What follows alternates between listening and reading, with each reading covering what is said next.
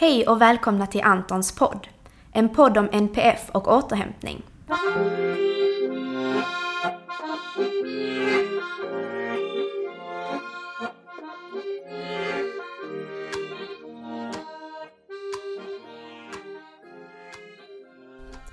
Jag heter Marie och kommer att i dessa poddavsnitt utforska olika aspekter av hur det är att leva med eller tillsammans med någon med NPF, neuropsykiatrisk funktionsnedsättning. Jag heter Josef. För tio år sedan så jobbade jag som pedagog på en särskola och fick en ny elev som hette Anton.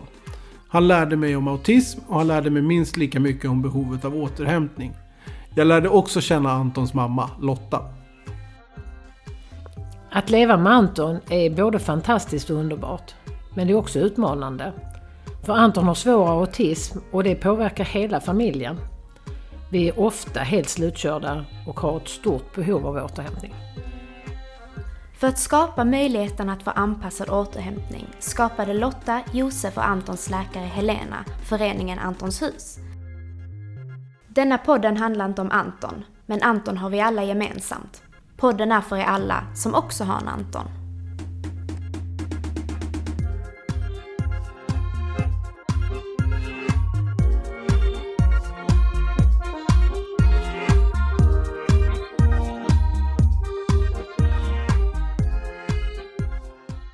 Och välkomna till avsnitt 19 och idag har jag med mig Peik. Hej. Och Josef. Hej. Och Elin. Hej, hej. Och Lotta. Hej, hej. Och idag ska vi prata om koherens och det är förmågan att se helhet och sammanhang. Och detta kan vara en utmaning för personer med autism, men ibland kan det även vara en utmaning för neurotypiker också. Men innan vi börjar diskutera det, skulle du Peik vilja förklara koherens i samband med autism för våra lyssnare? Ja, just det. Ja, ofta eh, pratar man också om begreppet central koherens för att eh, beskriva det här eh, helhetssynen, att man ser vad det är som sammanbinder olika saker med varann på ett centralt sätt så att säga. Och eh, de flesta människor som inte har autism alltså har Eh, ofta inbyggt, eh, lite automatiserat, att man har en tendens att se eh, sammanhang och helheter lite överallt. Ungefär som man tittar på månen så ser man gubben i månen så att säga fast det inte är någon gubbe förstås, eller eh, sådana här som i psykologin har man sådana Rorschach-figurer, man ser saker, eller man kan titta på moln på himlen och så tycker man att man ser djur och så vidare. Så vårt nervsystem har ofta inbyggt en tendens att se eh, Eh, helheter, eh, försöka få ihop helheter. Men eh, där är det intressant nog så att personer med autism har inte utvecklat det sinnet så starkt. Man säger att de har en svag central koherens. Och då betyder det att detaljerna framstår mycket tydligare för en person med autism. Eh, man kan säga som talesättet att, att inte eh, se skogen för bara trän. Eh, alltså det är lite så det fungerar för en person med autism, att man eh, medan andra personer eh, direkt börjar eh, intuitivt leta efter helheter och se dem också Eh, även där de inte finns faktiskt, så det kan skapa sådana här illusioner. Men en person med autism börjar analysera allting från detaljerna och försöker bygga upp saker och ting uppåt från detaljerna och det där kan bli ganska mödosamt. Så det är inte säkert om man har autism att man klarar av att se helheten överhuvudtaget, utan man fastnar i detaljen. Fast om man vänder lite på det så är det inte bara negativt. Ibland är det bra att kunna se detaljer.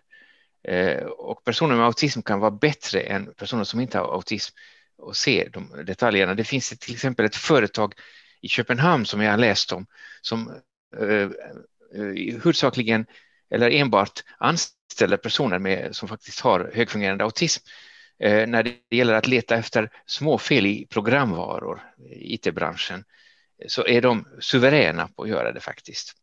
Och då är de bättre än som inte har autism. Därför är det bra för företaget och det är bra för de som har autism att få ett bra jobb mm. på det här företaget och bli uppskattade för vad de gör. Faktiskt så är det inte bara negativt, det är kanske viktigt att betona. Men eh, det blir väldigt annorlunda i förhållande till människor som fungerar på det vanliga sättet och ser de där helheterna. Och därför kan det bli också uppstå missförstånd mellan personer som är lagda på det ena hållet och de som är lagda på det andra hållet som om man har autism. Och hur kan då detta påverka personers med autisms vardag? Ni som jobbar med personer med autism, har ni några exempel på hur det påverkar dem i deras vardag? Jag tror att det är en av de grejerna som påverkar vardagen mest. För det är väldigt besvärligt när man inte förstår ett sammanhang. Sen de här olika, det finns ju flera olika modeller som man brukar prata om utifrån psykologhåll. Men, och de kanske glider in i varandra för det är ju just modeller som ska förklara en verklighet. Men mm. just att inte förstå sammanhang utan se detaljerna. Det, det kan ju till exempel vara om man eh, har, har varit ute när man, med konflikter och när man ska komma överens om saker och när man ska diskutera och kompromissa. Då måste man ju liksom då kan man inte bara se hel, en detalj, då, då är, är det enklare om man kan se en helhet. Och man kan se olika infallsvinklar och man kan liksom byta lite och så. Så att framförallt att man ser en helhet och inte bara hänger upp sig på en, en, en detalj i det mm. stora hela. Så jag, jag, tror att det är jättebesvärligt. Jo, jag tänkte lite tillägg där då, eh, för att eh, nu pratar jag mer så här eh, hur man uppfattar saker rätt upp och ner, det här med central koherens. Men att det fin- man tänker sig att i det sociala samspelet, i det sociala livet, där är det viktigt med helheterna. Ehm, eh, en liten detalj i eh, hur man håller mungipan eller eh, hur det ser ut kring ögat ger inte hela minen som uttrycker en känsla. Så att har man den här nedsatta förmågan att se helheter så tänker många att man automatiskt får en nedsatt förmåga att förstå socialt samspel, för det bygger på helheten nämligen. Så att eh, just det här sociala blir ju då kritiskt. Det är delförklaring till de sociala svårigheterna som personer med autism har. Att man fastnar för mycket i detaljerna och det konkreta och har svårt med helheterna och där kommer också det abstrakta in. Det abstrakta innehåller någonting av helhet också. Ett abstrakt tänkande bygger inte bara på det konkreta som man verkligen ser framför sig just nu. Det är inte bara knack i trä utan det symboliska tänkandet bygger också på någon form av helhetstänkande. Och det vet vi ju att personer med autism har svårt, svårare än andra att förstå symboliska saker, eh, underförstådda saker eh, som kräver en, en sorts intuition och en, eh, ett symboliskt tänkande. Att saker är inte riktigt så som de ser ut att vara. Eh, har man autism så fastnar man lätt i att saker är precis exakt så som de ser ut att vara. Ja, och där kan ju ord vara väldigt specifika, för ett ord kan ju betyda väldigt olika, även om man heter på samma sätt och till och med uttalas på samma sätt, så, så betyder de olika i olika sammanhang. Mm. Jag kan ta som ett exempel när eh, Anton, vi skulle kasta boll. Mm. Så vi stod liksom fem meter ifrån varandra och så kastade vi boll, han var inte så gammal då. Mm.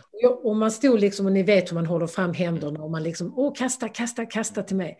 Så han stod så och jag kastade till honom så han kunde fånga. Och sen ville jag att han skulle kasta till mig. Så, så jag liksom gjorde allting, höll ut händerna, mm. var liksom väldigt entusiastisk. Kasta bollen, kasta bollen till mamma. Och då tittade han på mig som att du är dum i huvudet. Och så gick han ut i köket och kastade bollen i papperskorgen. För det är ju ja. också att kasta bollen. Ja, just. Och det, det, han förstod ju ordet och såg bara ordet. Men mm. såg inte ordet i sitt sammanhang vad vi höll på med där ser man hur detaljen gör att man inte kan generalisera. Och det behövs ju ofta i det mänskliga samlivet att man kan se saker generellt och allmänt. Och, också det där egentligen med skämt, som att man inte förstår ett skämt därför att man hör bara exakt vad orden säger. Många skämt bygger ju på att, att, att man menar motsatsen mot vad man, eller ironi till exempel. Ironi är, man menar motsatsen mot vad man säger. Men ord, eh, har man autism så kanske man bara hör orden och, och tolkar det inte alls ironiskt utan precis exakt som man säger. Och då blir det ju lätt konflikter och det blir rätt lätt missförstånd. Och, mm. och det är inte liksom för att vara fyrkantig eller för att göra mm. livet svårt, utan det är ju för att man faktiskt inte kan se det på ett annat sätt. Nej, precis. Och det, och det kan ju vara fördelar ibland, men det blir ju väldigt komplicerat i det vardagliga. Mm. Jo. Som, livet Visst. tillsammans med andra människor. Där man ser på en helhet och där man mm. oftast ser helheten innan man ser detaljerna. Mm. Så man missar ju detaljerna för att man Visst. bara ser helheten. Mm. Och så får vi kanske många gånger fokusera för att gå ner och se det på detaljnivå. Mm. Medan tvärtom för en person med autism att man, mm. om man kan se det på en helhet så måste man liksom fokusera på det och koncentrera sig på det.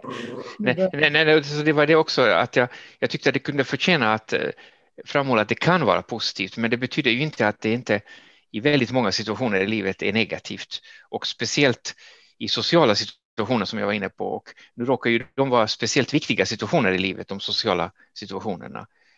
Så, så där får man ju stora svårigheter om man har autism helt enkelt.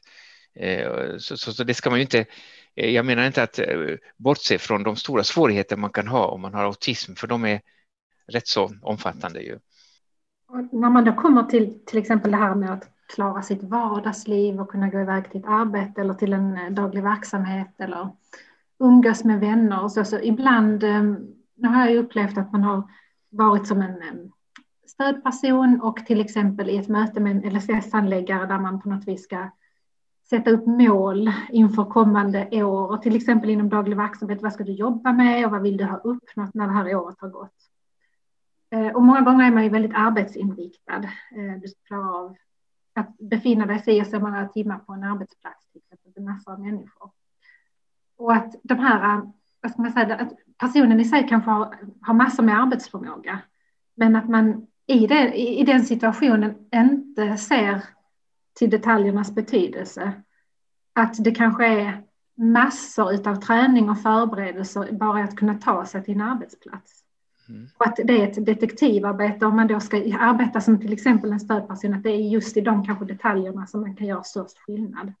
Men det tycker jag, nu tycker du, det, det, det är någonting viktigt du är inne på. För, för, att det är också så här att en person med en, en väl, ett väldigt starkt detaljfokus när man som stödperson ska arbeta med en sån, ja, men då behöver man ha ett starkt detaljfokus själv. För annars kan man inte tillgodose det behovet. Det är något som jag ofta stöter på när jag handleder personalgrupper. Att, ja, men jag säger så här, men hur, hur, hur går ni tillväga när eh, duschsituationen fungerar? Till exempel. Mm. Nu tar vi det ur, ur, ur, hatten, eller vad man ska säga. Och sen, ja, vi går in och så, och så, och så duschar vi och sen så är det klart. Jo, jo, men alltså vad gör ni innan? Vilka moment gör ni? I vilken ordning och exakt vilka ord säger ni de gånger det fungerar? För ofta behöver man faktiskt titta på detaljer väldigt, väldigt... Eh, eh, alltså gå väldigt på djupet med vilka detaljer är det som, som är viktiga. För det kan vara, mycket väl vara så att den man arbetar med eller hos, eh, där är det detaljerna när de inte är rätt som stör. Mm mer, mer, än, mer än helheten, så att säga. Eh, för, för att som, som, som detaljfokus har den personen, så att säga. Mm. Eh, jag brukade ju säga det när, när, när jag jobbade dagarna ända med, med Lottas son och ett antal andra eh, personer med autism, att det var, det var måndag, måndag hela veckan. Jag sa precis samma saker varje dag vid samma tillfälle. Det gjorde att måltidssituationerna fungerade. Det gjorde att dagarna blev så pass strukturerade att, att de blev begripliga. Jag var så stereotyp och så fyrkantig och så detaljfokuserad att jag blev trygg för att jag gjorde samma sak varje dag. På något mm. vis. Hade jag inte, inte jag tyckte ju själv att jag var supertråkig givetvis. Så är det ju. Men jag märkte att det här fungerar. Det här, det här ger trygghet. Att man vet precis vad jag kommer att säga härnäst. För att jag har sagt samma sak igår och jag har sagt samma sak i förrgår och hela förra månaden och hela förra året. Så att man har det detaljfokuset också när man jobbar med att stödja de här personerna som har det här behovet av, av detaljer eller som har det här detaljseendet. Det tror jag är viktigt. Jag, jag tror också att det är jätteviktigt. Och sen, nu blir det här liksom också en fråga, när man då har den här tryggheten och man har de här eh, rutinerna och man följer det och man har, går ner på detaljerna och följer detaljerna som man har, då ger det också en trygghet så att det ger ett utrymme att gå bort från detaljerna och allt det här ibland. Så man behöver ju inte hålla på exakt så hela livet, utan man behöver det så man får en trygghet. Och sedan kan man försöka och sen kan man prova att göra lite annorlunda, för alla människor utvecklas ju. Och även personer med autism, även om de har väldigt stora problem med det här behöver den här tryggheten som man kan gå tillbaka till. Men man kan på ett annat sätt, om man har den tryggheten så kan man på ett annat sätt prova nyheter och prova andra saker. Och eh, jag vet inte, jag tror inte man kan lära sig att, att, att det är ett tankesätt att se, att ha en central eh, koherens. Det är liksom ett tankesätt om man ser detaljer eller ser helheter. Och det är inte bättre eller sämre. Men man kan, om man är medveten om det så kan man liksom ta vara på det som är bra och, och ta hänsyn till det som inte fungerar så bra. Är det någonting man kan träna? Vet man det, Pek? Eh, ja, eh, ja det, det, mesta kan man väl i viss mån träna, men frågan är hur effektivt det är om man har en stark sån läggning åt det hållet, för då tänker man att eh, det finns ju teorier om att hjärnan ändå är, fungerar på ett ganska annorlunda sätt då. Att sammanbindningen mellan olika eh, aror i hjärnan kanske inte är lika upparbetad och det kanske finns en gräns för hur mycket det går att kompensera. Man kan säkert bli lite bättre, det tror jag. Men att, att helt och hållet eh, bli av med det eller bli på det andra hållet, det tror jag inte är så realistiskt. Nej. Alltså man kommer bara en liten bit på väg, man kommer inte hela biten. Så man måste nog ändå tänka att personer med en väldigt svag central koherens kommer aldrig bli riktigt jättebra på det. Och, och därför måste omgivningen också anpassa sig och ta hänsyn eh, till att det är på det här viset. Men, men jag tänker att om man då är väldigt högfungerande, alltså ja. även, man, vill ju, man ska ju inte ändra Nej. på det, det är ju jättebra ja. att ha det ena eller andra, både styrkor. Men om man är medveten om det, så kanske man på visst sätt kan kompensera jo, själv. Eh, ja, alltså om man är högfungerande och eh, intellektuellt, man kan lära sig att, att eh, först gör det, blir det så här och sen blir det så här och sen blir det så här. Men det som är svårt att få in i den här effektiva intuitiva känslan som människor som inte har autism oftast har, att man eh, behöver inte anstränga sig för man, man ser liksom helheten automatiskt, man behöver inte ens anstränga sig för att göra det. Men har man den här svaga centrala koherensen som aldrig kan bli helt stark så måste man jobba mycket mer. För det var eh, på den här konferensen jag nämnde om autism så hade man också teckningar gjorda av barn med eh, autism och eh, de skulle rita hus och eh, något barn hade ju ritat ett fönster på ena hörnet och en dörr på andra hörnet och en skorsten på tredje hörnet. Det, det hängde liksom inte ihop, för det var bara detaljer. Men sen var det vissa barn med autism som hade lyckats liksom mödosamt jobba sig upp från detaljerna så att de till slut nådde helheten och kunde rita ett hus som såg riktigt bra ut. Men det var liksom till följd av kan man säga, ansträngningar medan de här barnen utan autism började direkt att rita de yttre konturerna av huset först och satte sen in dörrar och fönster medan barnen med autism började ju med dörrarna och fönstren innan de gjorde ytterkonturen. Men eh, det visade sig att vissa barn med autism klarade i slutändan av att göra riktigt bra teckningar som blev liksom eh, tydliga och vem som helst kunde se att det var ett hus. Medan andra klarade inte lika bra. Så där såg man en skillnad. Eh, men då är frågan om de hade mindre allvarlig central koherensbrist eller om de kanske var mer begåvade, de här barnen, lite äldre kanske och kanske hade fått lite hjälp på traven men det var intressant att se att det blev faktiskt olika för de här barnen och ibland funkade det. Och det är den här tanken att ibland kanske man kan jobba sig från detaljen och till och med nå helheten i vissa fall. Men det är en annan kognitiv strategi som man säger. Att börja jobbet från enheten och jobba upp mot helheten medan de flesta människor har motsatt strategi. Man börjar med helheten och från, först sen kan man börja se detaljerna överhuvudtaget. Så man jobbar liksom att jobba nerifrån och upp eller uppifrån och ner knyta an till någonting som, som Lotta sa eh, för, för ett litet tag sedan, eh, som handlar om, om, om medvetenhet. Eh, för jag tror att det är en nyckel. Och nu, jag, jag, tänker att de som lyssnar på det här, de får ha en stark central koherens. För det, det är lite spretigt, men jag, jag, tänker att det är helheten som man får ta med sig. Ja. Eh, och jag, jag, tänker att eh, medvetenhet är en sån nyckel, både för personen med diagnos, att, att, att liksom bli medveten om det här är de, de, eh, de bitar som är starka hos mig och de bitar som är svaga hos mig och få hjälp med att hitta redskap för att arbeta mm. utifrån den vetskapen. Det tror jag är till stor hjälp för många och det tror jag egentligen är den stora poängen med diagnoser överhuvudtaget för personer som är välfungerande. Ja. Men jag tror också eh, lite grann som vi, vi pratade om tidigare om det här med eh, att arbeta som stödperson i någon bemärkelse. Eh, det man ska ha med sig där, och det här är en sån här sak som jag tjatar om jämt och ständigt, det är att man behöver vara medveten och närvarande när man arbetar som stödperson. Man behöver se personen man arbetar med eh, och titta på dens behov och, och dens eh, svårigheter. Och sen så utforma stödet utifrån det. Eh, för jag, jag tror att det, det, finns ute i ganska många verksamheter en föreställning om att men så här ska stöd se ut. Och så är det det man arbetar utifrån. Eh, och så ser man inte riktigt kanske individen och man, man, man ser inte, man är inte närvarande i den bemärkelsen att man ser vilken skillnad ens eget beteende gör och, och ens, egna, ens eget sätt att förhålla sig, utan man, man är på jobbet liksom.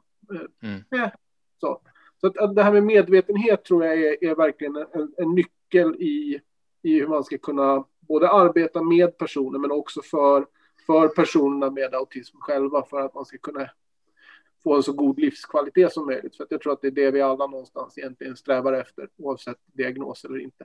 Jag, blev, jag tänkte just precis det där du, du nämnde om de här trygga relationerna och medvetenhet och, och, och i det här samtalen för att på något vis eh, med ett starkt eh, fokus på, på detaljerna så ska man ju heller inte glömma bort att det oftast finns någon sorts fråga som jag tror kan skapa frustration. Att man kan ju fokusera enormt mycket på detaljerna men samtidigt ha en önskan om att förstå helheten.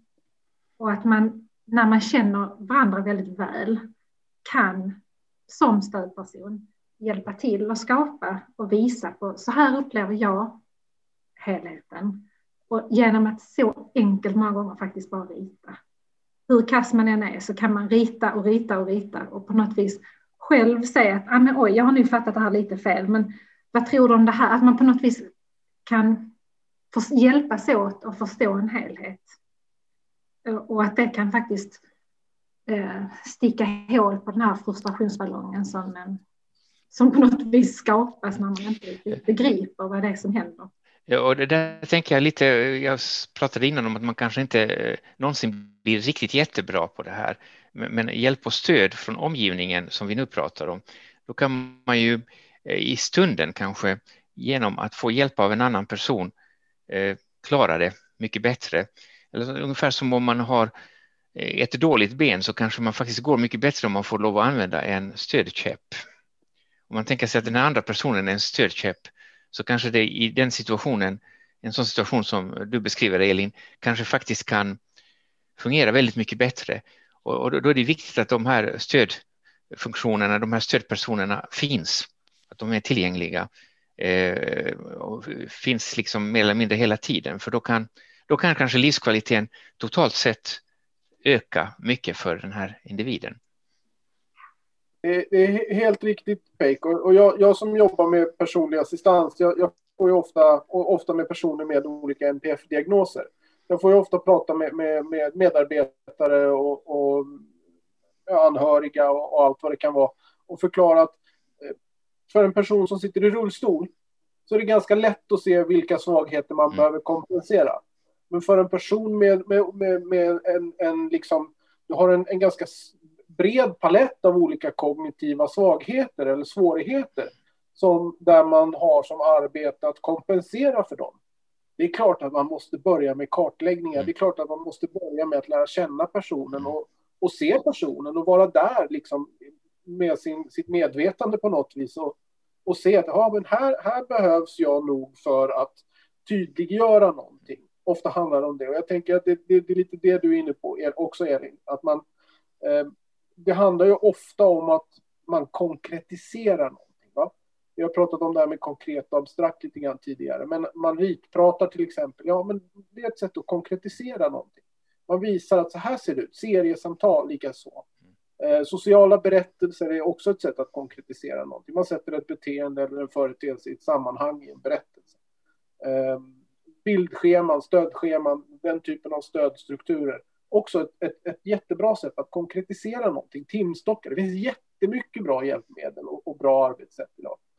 Men, men det kräver att vi runt omkring kan se de behoven hos den vi är där för att stödja och hjälpa. För kan vi inte göra det, ja, men då, då blir schemat bara en meningslös uppvisning i någonting som en chef har sagt till oss att göra. Eh, och då, då kommer det inte att bli bra. Nej, det är jätteviktigt. Att man just att man, med hjälpmedel, att man ser dem just som hjälpmedel till något annat syfte. Att, att schemat i sig är ju inte syftet, utan det är ju vad man kan hjälpa och vad man kan, vad man kan göra tydligare med tack vare schemat som är det viktiga.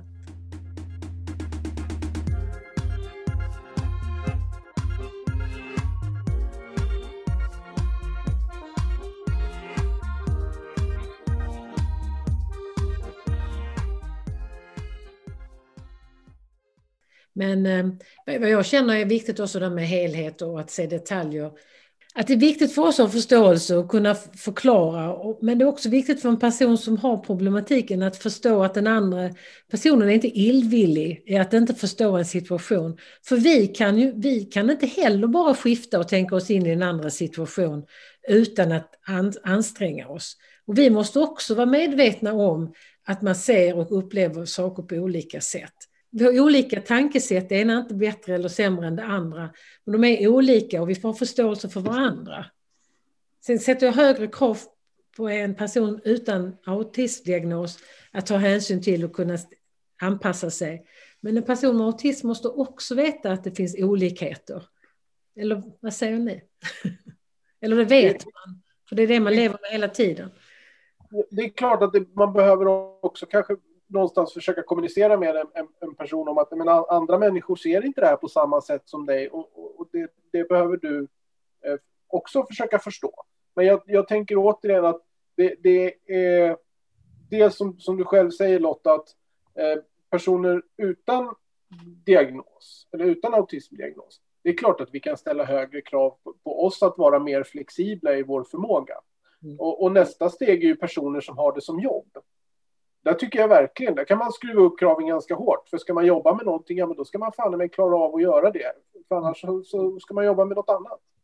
Ja, jag, absolut. Men jag, vad jag menar är inte att ställa krav på personer med, med, med diagnos autism. Jag, jag, tror verkligen att de allra flesta där jobbar hårt för att få det att funka. Jag vill bara att man ska förstå att det är inte fel på dig. Det är inte, det är inte ditt, alltså, utan vi är olika och det är inte för att andra människor är elaka mot dig eller att du gör något fel. Utan att det är, det är för att vi ser saker på olika sätt. Att man på något sätt kan, för att underlätta, för många tycker att varför är alla människor så elaka mot mig? Och det finns människor som är elaka, men de allra flesta är inte det. Utan vi gör saker fel ibland. Eller på vårt sätt att tänka. Det behöver inte vara fel och rätt, det är bara ett annat sätt att tänka. Jo, det är klart att eh, har man autism eh, så har man eh, ju svårt att Eh, förstås förstå sig på andra människor kan man ju säga och ofta kan andras reaktioner och vad de gör verka lite grann obegripligt för den som har autism. Och då kan det ju lätt eh, alstra lite negativa känslor för den som har autism, det vill säga man kan bli lite, faktiskt lite paranoid på sin omgivning. Och det är naturligtvis någonting man kan behöva jobba med för att eh, minska eh, det här fenomenet. Och naturligtvis eh, ligger det ju på de som jobbar med personer med autism att verkligen tänka på det här att, att det lätt uppstår en situation där den som har autism kan bli lite smått paranoid och uppleva att andra människor är elaka när de inte är det. Och, och det, det, då är utmaningen, vad kan man göra för att motverka detta? Och det är väl lite sånt du är inne på, alltså att försöka få personer med autism att inse att ja, men de här människorna runt omkring är faktiskt inte så elaka egentligen. Men ibland har de ändå svårt att förstå mig som har autism då. Och det kan ju bli elakt, det kan ju bli fel och dumt. Och det är ju åt, åt... Missförstånd kan uppstå, ja. Precis. Men, men att det kanske inte var meningen att vara elak. Nej. Man kanske kan förstå, ibland så kan någon säga att man har gjort något, han gjorde så, det var elakt och det var dumt. Och det kan både vara en person med autism som har sagt någonting Mm. Som den andra har missförstått att jag vill inte leka med dig. Det betyder, mm. behöver inte betyda att jag vill inte leka med just dig som person, utan det betyder kanske att just nu vill jag inte leka för jag ja. ja, precis. Så kan man missförstå det. Ja. Och så tycker då den personen utan autism att det är barnet som säger jag vill inte leka med dig. Gud vad elakt, du vill aldrig mm. mer ens försöka. Och det var ju inte meningen. Ja, just det. Så det kan gå åt båda hållen. Eh, eh alltså den personen med autism kan tycka att de andra är elaka, men andra som inte förstår sig på personer med autism kan tycka att, att den som har autism är elak. Ja. Och, och, ingen, och ingen är elak egentligen. Ingen är elak och på något Nej. sätt behöver man en social tolk där och hjälpa att förklara ja. att det var inte menat så utan det var menat att just nu och där kan man ritprata och sånt men det är olika för olika situationer som är svårt. Då mm. behöver man på något sätt någon som kan komma in och berätta att, att när man är trött så kan man inte begära av personen med autism att formulera sig på ett rätt sätt och den andra inte ska ta illa vid sig. En annan person med autism hade kanske, utan autism hade kanske löst det på ett annat sätt eller uttryckt sig på samma annat sätt. Men man menar ju samma, jag är trött så jag går in och vilar nu eller någonting. Och där vill jag kunna stärka, alltså man kan på något sätt man kan stärka, för det är så tråkigt att behöva gå omkring och känna sig utsatt och att folk är elaka just mot en. Det, måste, det är ju fullständigt knäckande ju. Och, när den, och, och eh, det kan vara illa nog som det är, man behöver liksom mm. tro att det är så när det kanske inte är så. Man kan faktiskt tänka sig om man själv kommer till ett främmande land och främmande språk och man kan ingenting om språket och ingenting om kulturen. Att det kan kännas lite kusligt att gå omkring där. Man vet inte riktigt vad alla de andra människorna egentligen håller på med och vad de egentligen pratar om. Alltså att man kan förstå psykologiskt att det lätt uppstår sådana här lite paranoida tendenser eh, som ibland kan bli förstärkta av händelser, tråkiga händelser och sånt här, eh, som gör just att man kan känna sig personligt eh, eh attackerad. Eh, någon är ute efter mig ungefär. Alltså att det blir lätt den typen av och, och, eh, och att det, det underblåses av den här att man inte riktigt förstår. Man förstår inte den andra. I det ögonblick man börjar förstå andra bättre, då, då, då kan sådana känslor lägga sig mer. Då, då märker man ju att ja, men det är ju fullkomligt eh, förnuftigt det där som de håller på med och vad de tänker och de gör. Och det är verkligen inte riktat mot mig. Men innan dess kan man lätt få för sig det så att säga. Och det är ju en jätteobehaglig känsla. Ja, det är mycket obehagligt och det, det kan ställa till det väldigt mycket i livet. Men man kan göra det, det är ju svårt vad man kan göra. Det bästa är ju om man har någon man litar på som man kan ja. fråga. Ja, det, det bästa är ju när man har personer som har, faktiskt lyckas eh, förstå en. Alltså att personer med autism blir förstådda av den andra som också kan signalera på ett sätt som personer med autism också uppfattar att det, här, det blir, uppstår en kontakt. Mm. En person kan fungera kanske då som just ett, en hjälpperson dessutom och så kanske kan förmedla mot andra personer i sin tur. Så att, att, att det här hotfulla där man inte förstår någonting eh, minskar därför att plötsligt börjar man förstå lite mer av omgivningen och då märker man att den inte är så farlig som man kanske har trott. Och med det så tackar vi för oss och tack för att ni har lyssnat. Glöm inte att följa oss på sociala medier för att lära dig mer om autism och om vårt projekt Antons hus. Gå in på vår hemsida www.antonshus.se för där hittar ni all information om Antons hus och var ni kan följa oss. Där uppdaterar vi även när nästa avsnitt av Antons podd släpps. Tror du på idén om Antons hus som vi gör? Då kan du hjälpa till genom att sprida information om Antons hus till din familj och dina vänner. Det viktigaste är att vi når ut till så många som möjligt. Eller så kan du swisha en slant till 1234 72 71 03. Vi tar emot bidrag både stora som små. Vi ses i vårt nästa avsnitt. Hej då!